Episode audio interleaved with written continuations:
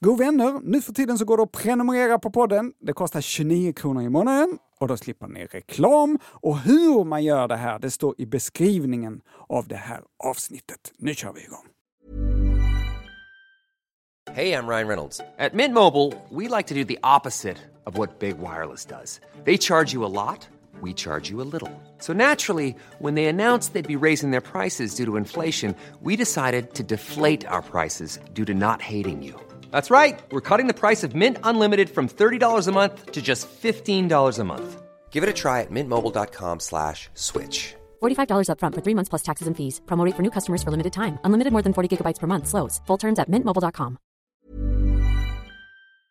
Den här veckan så har vi ett betalt samarbete med Synoptik och deras glasögonabonnemang Synoptik All Inclusive. Ja, det är ett tryggt och bekvämt sätt att ha glasögon där man kan kombinera med eh, solglasögon och linser och där all service ingår, som fria glasbyten när din syn förändras, otursskydd om du klantar till det. Ja, vet du vad Måns? He- Helt sant. Bara i år har jag satt mig på två par glasögon. Då är det här något för dig. Dessutom får du möjlighet att byta ut ett par varje år. Så kan det ju vara lyxigt att ha solglasögon med styrka. Det har jag köpt i år redan ju. Och till och med såna här eh, med dynamiska glas, har du såna då? Nej. Där glaset blir mörka ute i solen Ja. och ljusa när man kommer in. Allt inkluderat i en fast månadskostnad från 90 kronor i månaden. Inga oförutsedda kostnader. Dessutom har de ett erbjudande. Du får alltid 30% på alla glasögon och solglasögon när du tecknar ett Synoptik All Inclusive. Läs mer och boka tid på synoptik.se. Fråga Anders och Måns.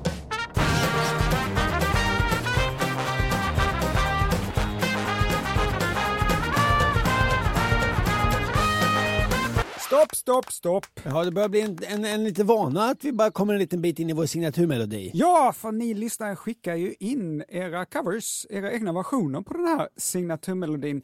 Det har Emil gjort. Hej, här kommer en framtidsversion av er signaturlåt. Räknar nämligen med att ni håller på minst 100 år till. Ha det så fint. Emil!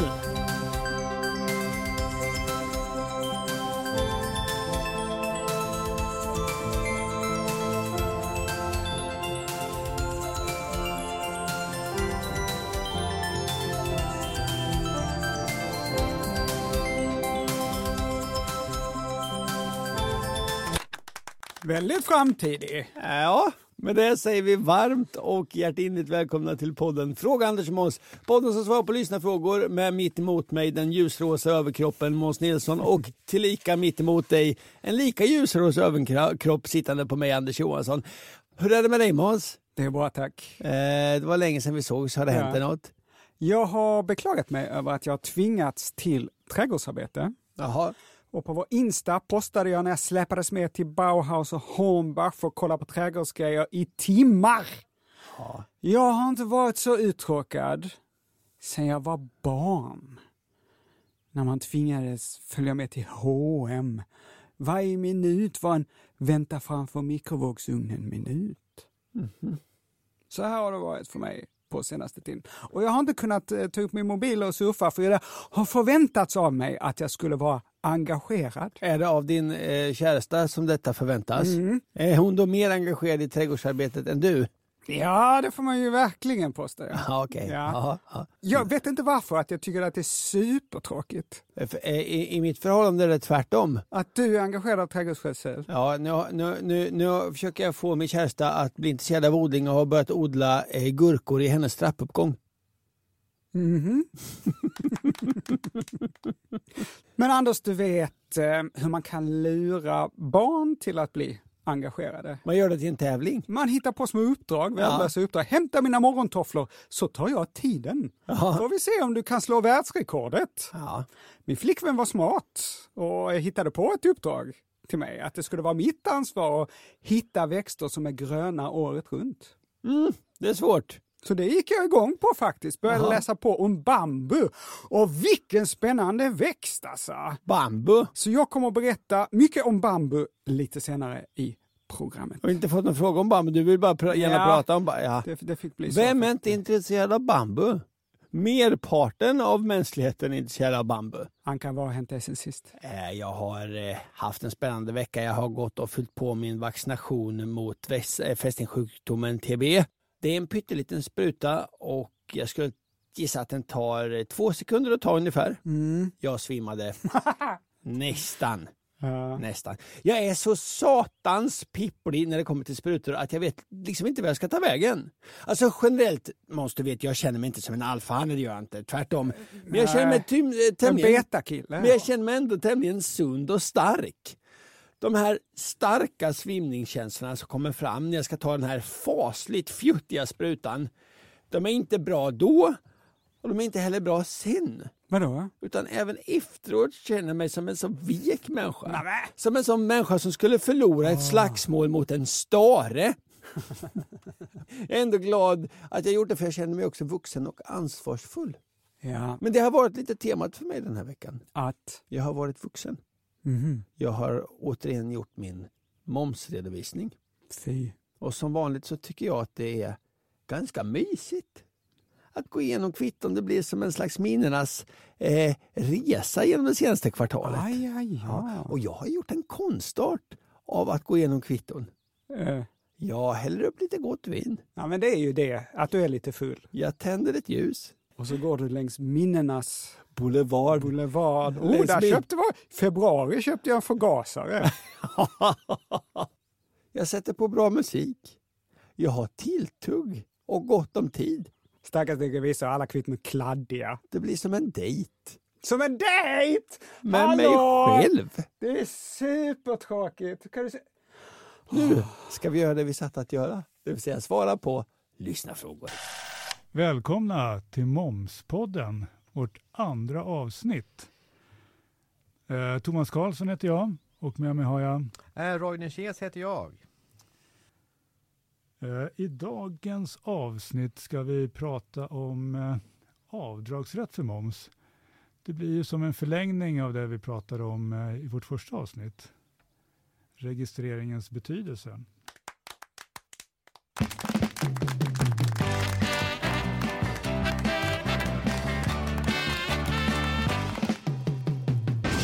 Att vi ska få igång programmet och få upp tempot, Ankan, Ja. så tänkte jag att jag startar med vårt forum för de lite kortare svaren. Du menar tre snabba? Du menar att du ska köra tre snabba ut lite som en hare?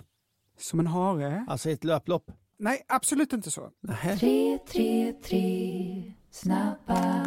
Fråga ett kommer från Kicka. Hej, jag blir väldigt irriterad när jag går på restaurang och servitrisen frågar vad vill vi ha att äta? Eller, är vi sugna på något mer? Jaha, det det Ska vi betala? Min fråga är, är det artigt att slänga in ett vi istället för att säga ni? Med vänlig hälsning Kicka. Nej, det är inte artigt. Det är bara förvirrande. Ja, det Fråga du- två. Jaha. Amanda skriver så här. Hej Anders och Måns. Jag har funderat över varför jag får skäll varje gång jag stoppar in varm mat eller varma bakelser efter att jag har bakat i kylen. Ja. Varför säger de aldrig? Så jag frågar bästa podden. Varför får jag inte lägga in varma livsmedel i kylen? Detta undrar alltså Amanda. Det tror jag också är en sån där sak som bara fortplantar sig helt onödan. Klart man får lägga in lite varma grejer. Det blir väl lite varmt i kylen en stund. Amanda, du värmer upp luften i kylen. Du motarbetar kylen. Det är inte skadligt för kylen att ställa in varma saker, men den måste jobba hårdare och då går det åt lite extra energi. Onödigt! Men är det onödigt för maten så var man maten.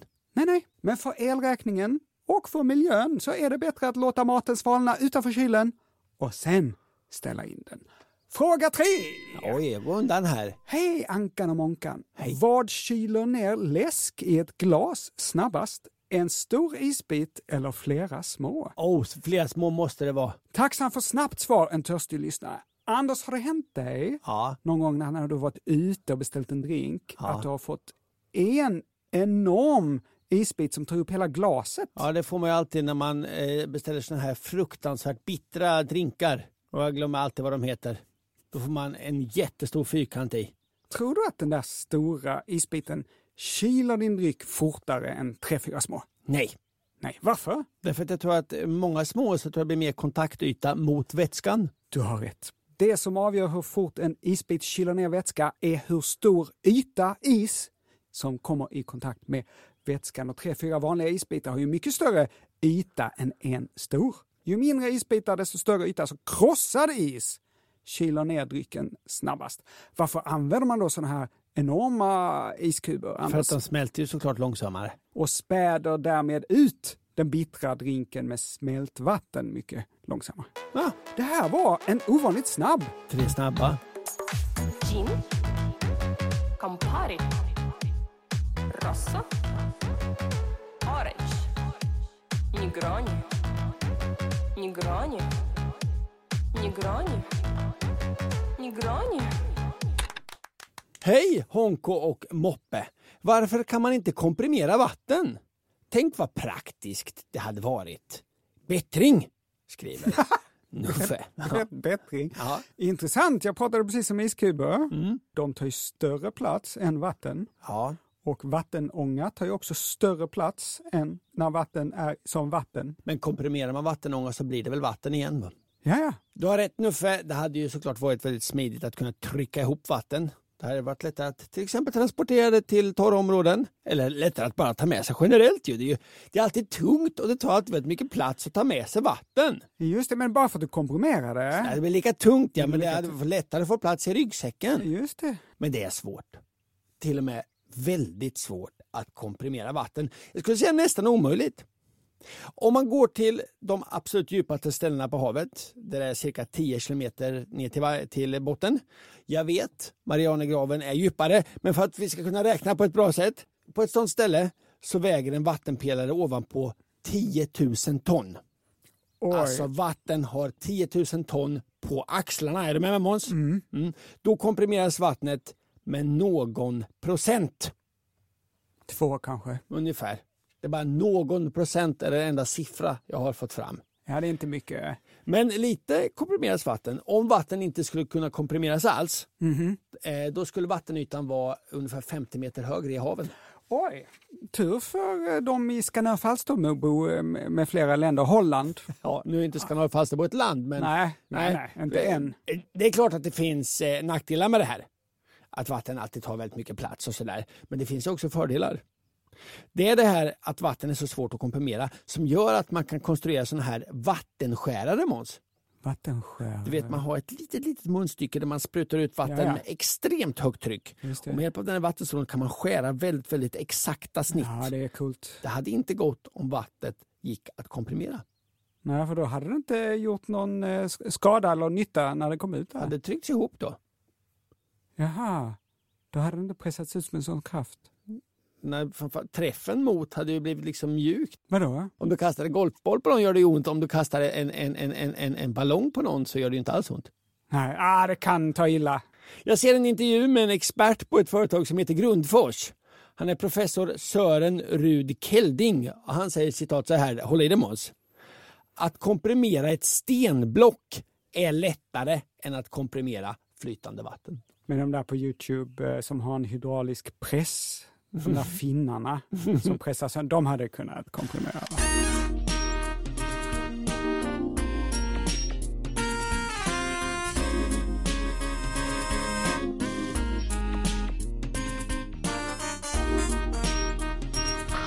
Jag utlovade bambufakta och nu har alla suttit som på nålar. Men är alltså så för att, eh, eller som jag älskar att säga, rekapitulera. Det är inte så att vi har fått en fråga om bambu. Nej, nej. Om någon har en fråga om bambu Så kommer svaret här. så kommer... Exakt. Bambu är ett gräs och ett samlingsnamn för över hundra olika släkten med drygt tusen arter. Visste du att det fanns tusen arter bambu, Ankan? Nej, men jag visste att bambu var ett gräs. Vissa arter kan bli ända upp till 40 meter höga och växa 20 centimeter om dagen. Ja, det är bra. Och det är också fett med ett gräs som är 40 meter högt. Men en av de mest spännande sakerna med bambu är hur den blommar. Mm, låt mig gissa. eh, jag vet inte hur bambu blommar. Jag tror att bambu blommar under marken. Det verkar ju skitdumt. Ja, Hur ska då getingar och humlor ja men det och kanske komma maskar och skit som, som som, befruktar. Ja, ja. Ja. Ja. Intressant. det var en gissning. Ja, det, var, det var helt fel. Ja. Det vanligaste sättet som växter blommar är ju en gång om året. Mm. Växterna som kallas annueller har hela sin livscykel under ett år. De gror upp ur ett frö, de växer upp, de blommar, de sätter frö och de dör. Ja. Fröet övervintrar och så börjar det om med en ny växt. Mm. Är du med? Perenner ska du komma till nu. Ja, så småningom, men först bienner. ja, ja. Två säsonger. Exakt, de gör samma sak som annueller fast under två år. Under första levnadsåret så får växten lövstam och rötter och så under andra året så blommar den, sprider sina frön och dör. Där har vi löken. Alltså den vanliga gula löken ja. Okej, okej. Men så har vi då perenna. Hur skiljer de sig då från det vi har pratat om här? Ja men de överlever ju år för år. De dör inte. Nej. Precis. Det är fleråriga växter. Måste ju vara ett bättre system. Att inte dö varje år. De blommar och sätter frukt regelbundet vanligen varje år Mm. och så lever de vidare. Och det här är ju alla våra träd och buskar. Ja. Det är ju inte så att ekar dör varje år. Om, om, om, om ekar var annueller Ja. hade det varit betydligt mindre. Mhm. Så det här var annueller, bienner och perenner. Ja. Men så finns det en liten grupp växter som funkar på ett annat sätt. ja. De växer till sig länge, många år, innan de blommar och dör. Och det mest kända exemplet på det här är agave. Agave, ja, vad känner jag? Agave, vad känner jag igen ifrån? Hundraårig aloe. Aloe vera. Blommar först efter 50-60 år. Då plötsligt väljer de att blomma och så dör de. Och så har vi ett annat exempel på den här lilla gruppen Är växter. det den här blomman som luktar så jävla illa? Aloe veras blomma, eller eh, agaves blomma. Nej, det finns en blomma som, är, som blommar sig var hundrade år eller någonting och då luktar den så illa. Ja, vilken... Och är väldigt stor, jag tror det är världens största blomma. Ah, ja, ja, nej, men det är en sån köttätande. Nej, det tror jag inte. Tror du inte lockar till, alltså det luktar lik, lockar till sig insekter? Ja, det här vet jag inte.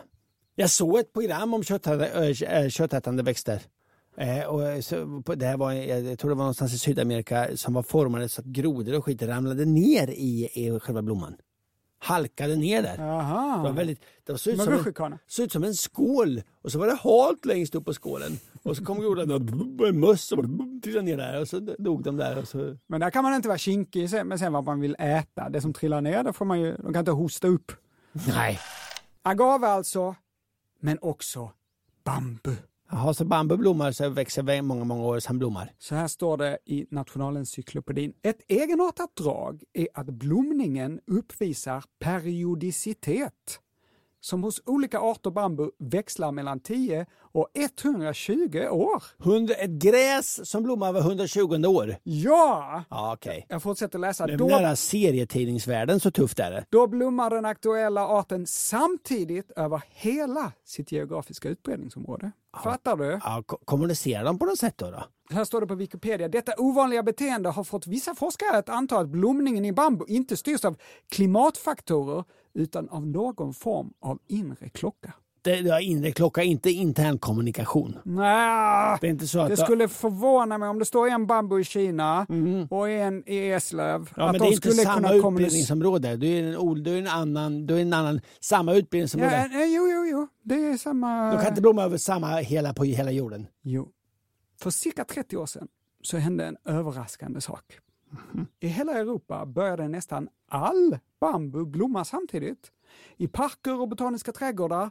Och det här var överraskande eftersom den aldrig tidigare hade blommat. Ah, någon gång måste den ha blommat. Vad, vad vi människor och de som jobbade på de här ställena Nej. visste så okej. hade den aldrig någonsin blommat. Nej, för den dör ju sen efteråt väl? Ja, exakt. Så det här var ju roligt att den blommade, men också tråkigt eftersom när den har blommat så... Dör den. Så en stor del av all bambu som fanns i hela Europa dog samtidigt. Och stackars alla de här eh, eh, björnarna, kinesiska björnarna, eh, vita och svarta, vad heter de nu?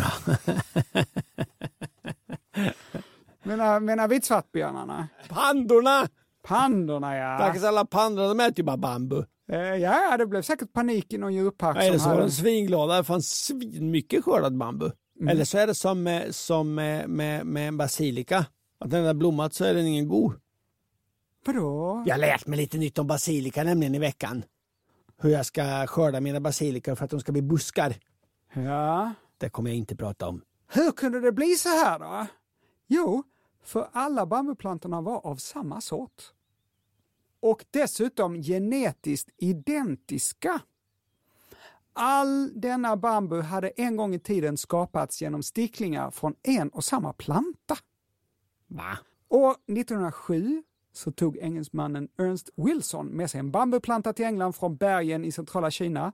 Det var en planta av sorten bergbambu och eftersom hans dotter hette Muriel så namngav han den Fagesia murellae. Fagesia mur, mureliae. Murel, Hur går det med, med latinet? muri, murella, murellae. Ja, ja. Så, ska, efter- så ska det säkert vara. Och eftersom hans Vad dotter hette hette? Muriel så Ja. namngav han den Ja. Fagesia muriela. Ja, okej. Ja. Nu blev det nog rätt. Alla botaniska trädgårdar, Alla botaniker som hör på detta jublar i stugorna. Alla botaniska trädgårdar och arboretum ville såklart ha ett eget... Arboretum. Ja, arbo... Va, ah, vad tror du det kan Ja, det vara? en trädsamling. Just det, Ja. Trädsamling, exakt. Det är exakt vad det är. Ville såklart ha ett eget ex av denna exotiska växt. Ja, vad heter den? Den hette Fagesia murellae. Mhm. Och då tog de sticklingar då från eh, Ernst Wilson. Men Ernst hade ju bara hittat den här eh, på ett berg. Han hade ju ingen som helst koll på när den skulle blomma. Och därför kom det då som en överraskning för drygt 30 år sedan. Nu då? Nu idag hämtar man sticklingar från flera olika källor hela tiden för att minska den här risken att all bambu ska dö samtidigt. Ja, det är tur. En annan bambusort, Vi vill aldrig mer uppleva bambubrist. Det var som den stora banandöden jag har pratat om tidigare. just det, en svamp slog ut den där eh, Gros Michel-bananen som lär vara så god. Vi fick den stora banandöden. Ha, att vi har haft både den stora banandöden och den stora bambudöden. Fan vad man lär sig. En annan bambusort orsakar regelbundet stora problem i Indien. Vad heter den?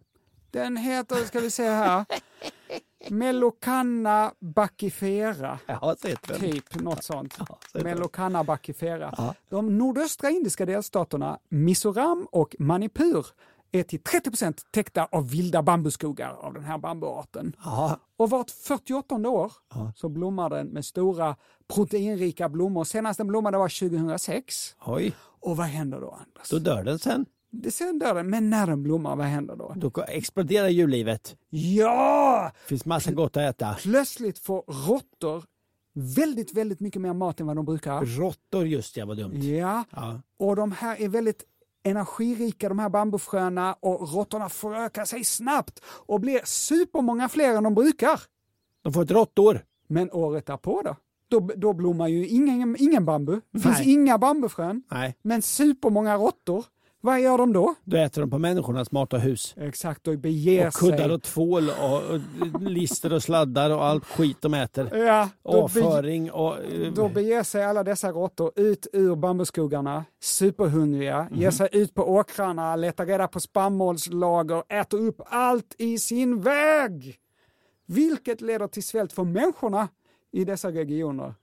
Då vart 48 år. Så att om du ska eh, boka en semesterresa till Indien, Ja. välj inte 2054. Nej, för bäven, undvik det. Yes, det var lite om bambu. Du är fin, genuin, fröken Solsken En klenod med ett hjärta utav guld Du är rar, underbar, ja fröken Solsken Av liv och värme har du hela famnen full Hey, I'm Ryan Reynolds. At Mint Mobile, we like to do the opposite of what Big Wireless does. They charge you a lot, we charge you a little. So naturally, when they announced they'd be raising their prices due to inflation, we decided to deflate our prices due to not hating you. That's right. We're cutting the price of Mint Unlimited from $30 a month to just $15 a month. Give it a try at mintmobile.com slash switch. $45 upfront for three months plus taxes and fees. Promo for new customers for limited time. Unlimited more than 40 gigabytes per month. Slows. Full terms at mintmobile.com. Here's a cool fact a crocodile can't stick out its tongue. Another cool fact you can get short term health insurance for a month or just under a year in some states. United Healthcare short term insurance plans are designed for people who are between jobs, coming off their parents' plan, or turning a side hustle into a full time gig. Underwritten by Golden Rule Insurance Company, they offer flexible, budget friendly coverage with access to a nationwide network of doctors and hospitals. Get more cool facts about United Healthcare short term plans at uh1.com. I'm Sandra, and I'm just the professional your small business was looking for. But you didn't hire me because you didn't use LinkedIn jobs. LinkedIn has professionals you can't find anywhere else, including those who aren't actively looking for a new job but might be open to the perfect role, like me. In a given month, over 70% of LinkedIn users don't visit other leading job sites. So if you're not looking on LinkedIn, you'll miss out on great candidates like Sandra. Start hiring professionals like a professional. Post your free job on linkedin.com/people slash people today.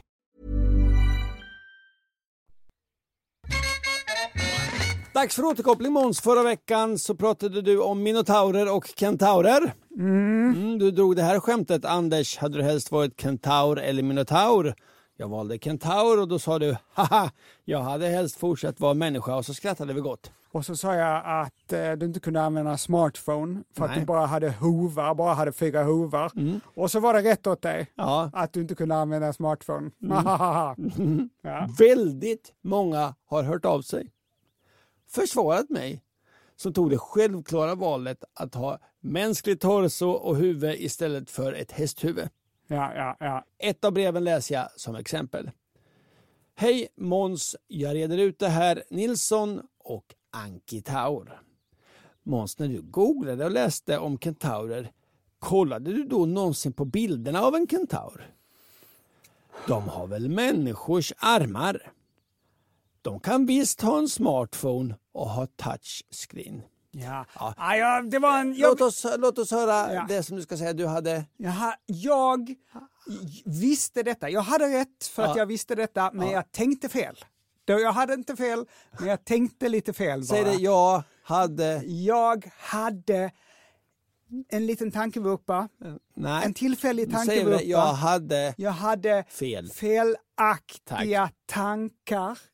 Jag visste naturligtvis att kentaurer har eh, armar eftersom hela torson sitter på hästkroppen. Jag visste ju att de skjuter pilbåge Ja. som i det här eh, stjärntecknet Skytten. Jaha. Jag visste allt detta, det var bara att jag råkade tänka fel.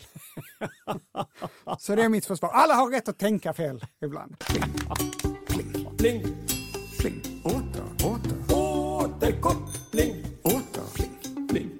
Som jag ångrar att jag överhuvudtaget nämnde Alice Tegnér i den här podden. Återkopplingen tar aldrig slut. Allt jag Att sagt, det var sånt engagemang.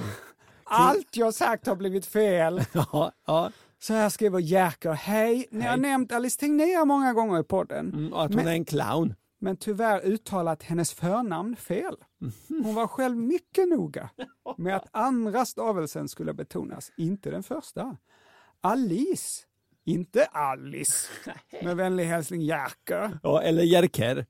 Det här uttalet har man ju hört förut. någon gång. Alice Tegnér. Ja, nej, men alltså Sveriges Radio har ju en utrikeskorre, Mm. Alice Petrén. Ja, just det. Men det är ju svårt att veta att det ska uttalas på just det här sättet. För Alice stavas ju exakt som Alice. Ja. Anders, det är som du skulle bestämma att ditt namn från och med nu uttalas Anders. Jaha. Men stavades då precis likadant som tidigare utan något sånt här accenttecken. Då skulle du inte kunna bli irriterad över alla idioter som uttalar det Anders. Du skulle behöva ett visst mått av förståelse för dessa personer som uttalar ditt namn fel. Mm. Det Eller är som den här skådisen här i Malmö som heter Citron i efternamn. Men det heter han ju inte, utan han heter Citron. Citron. Ja. Ja. Han blir alltid lite, lite så, nej jag heter inte Citron. Nej, men han kanske har ett accenttecken över o-et. Nej, ja, men då får man skylla sig själv. Jag är ledsen, Ja. herr Citron. Ja, och också, också Alice. Ja, ni får skylla er själva. Jag tror att Alice Tegner hade haft lite överseende med att vi uttalar hennes namn fel om hon fortfarande lever. Återkoppling. Återkoppling. Men det slutar inte där. Nej, mer fel. Jag anklagade Alice för att ha tjänat ekorren som satt i granen i onödan. Ja. Ingvar skrev och förklarade så inte fallet. Nej. Att det var han som fick höra barnen och fick så bråttom betyder inte att det var en ekorre av manligt kön. Nej. På 1800-talet hade ordet ekorre genuset maskulinum. Man kallade helt enkelt vissa saker han och andra hon. Jag läste upp Ingvars exempel på ord som var hon, citat piplärkor, skottkärror Ja. och bastubor. Just det, ja, det, var många, det är många, många, många som har hört av sig om det. Du reagerar Anders, även jag tyckte att det var ett udda ord Ja. som Ingvar hade valt. Ja. Men vem är jag att döma Ingvar? Ja, ingen. Bastubor, hur ofta använder man det ordet? Ja, och och vad det- är det ens? Folk som bor i bastur? Ja, och vadå feminint då eller? Just det, ja, det är ett klart ovanligt ord, Mm. bastubo, men det var kanske vanligare på 1800-talet. Ja. Vad vet jag? Ja. Så här skriver Nora.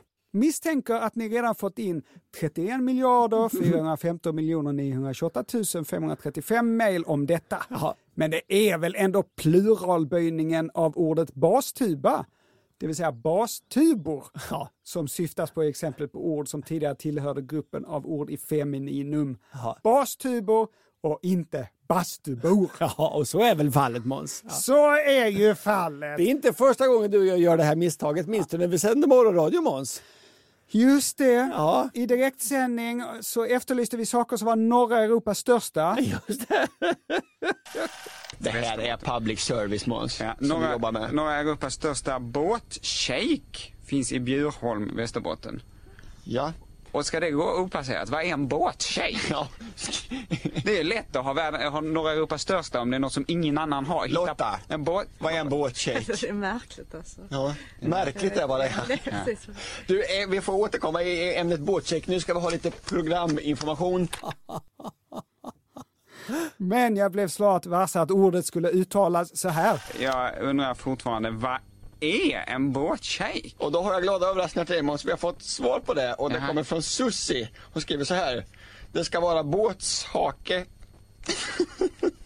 Många har hört av sig om detta. Malin, Nelly, Gimli, Adarko, Kalle, Magnus. Någon antyder till och med att det var tur att jag inte gjorde det där mensatestet.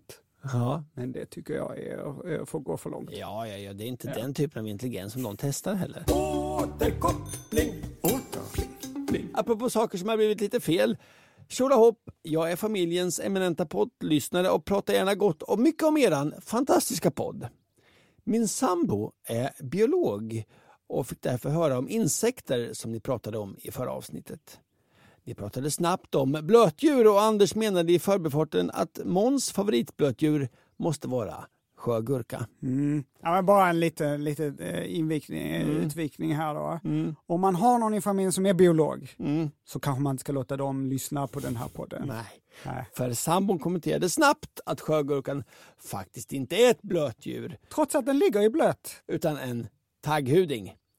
Ha det bäst, Kalle. Ja, jag märker att ju längre vi håller på med det här, desto mer börjar våra lyssnare rätta oss. Det är både roligt och aningen stressande. vi går vidare. Ja, men vi kanske bara återigen Ja. ska, ska liksom klargöra att det här är inte ett uppslagsverk. Den här podden är inte ett uppslagsverk. Nej, Nej. det är förstörelse och ett diskussionsunderlag. Just precis. Och, men rätta oss gärna, Ja. gärna det, så att det blir rätt till slut. Han drömmer om en älg Han vill tämja och spänna för släden ett flott ekipage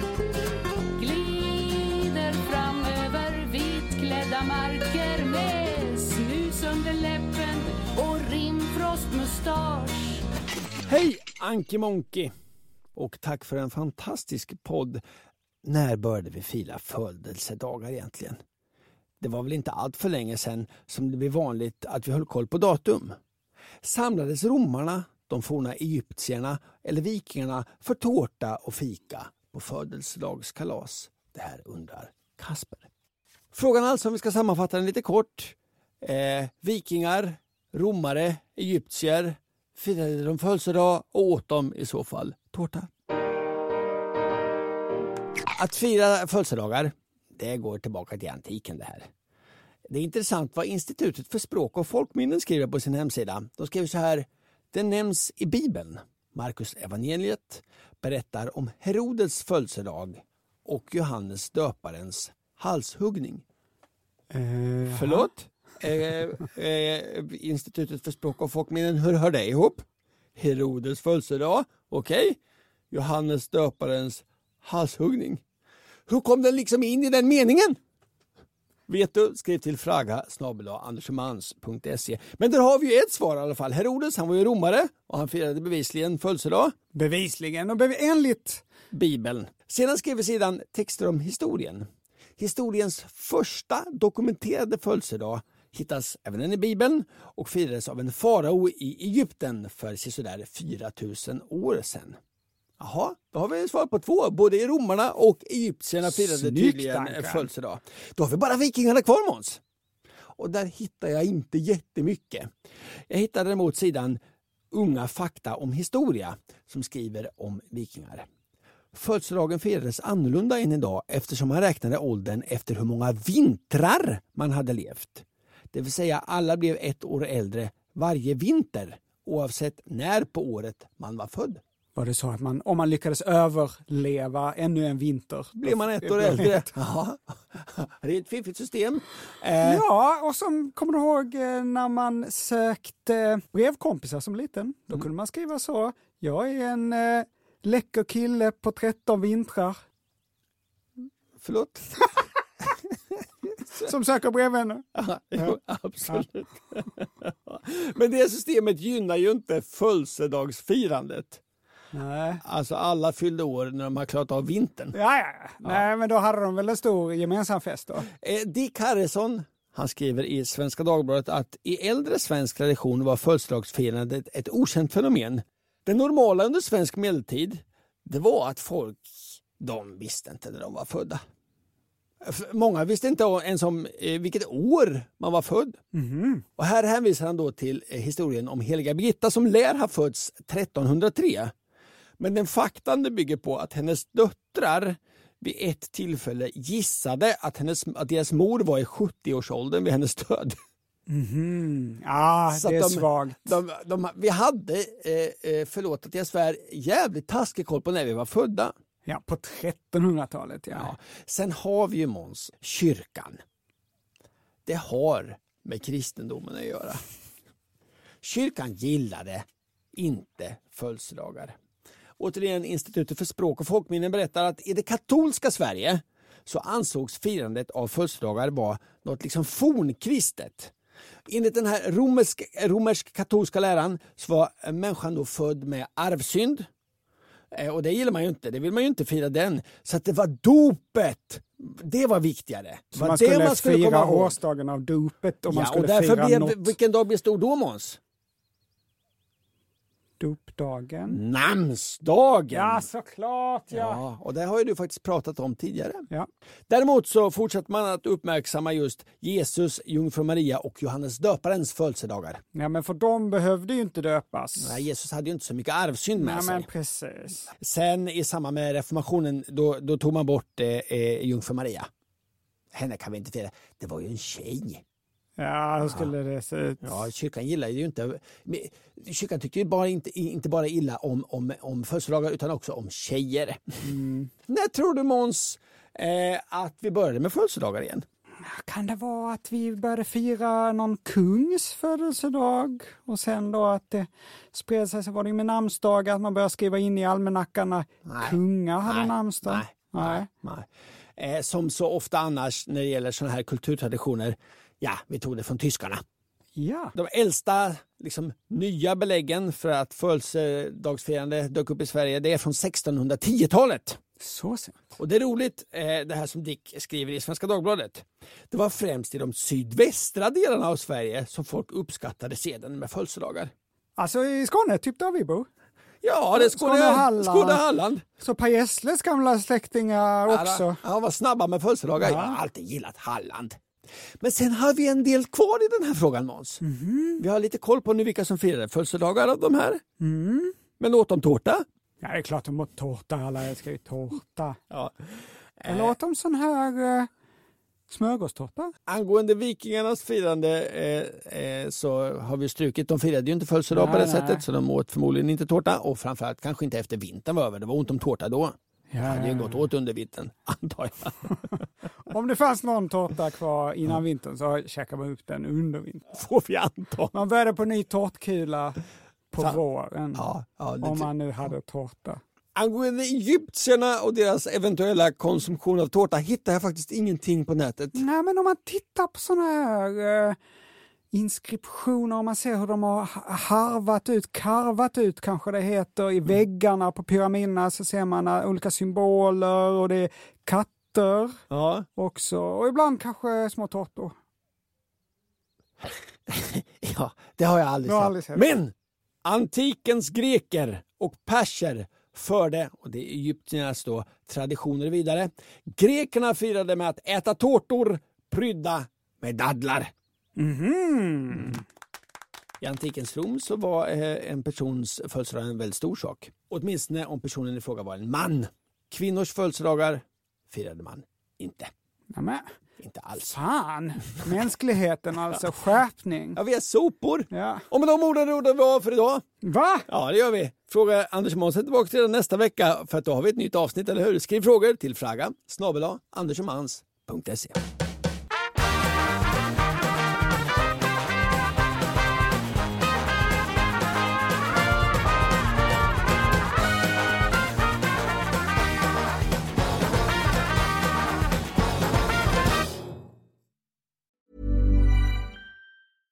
Even when we're on a budget, we still deserve nice things. Quince is a place to scoop up stunning high-end goods for 50 to 80% less than similar brands.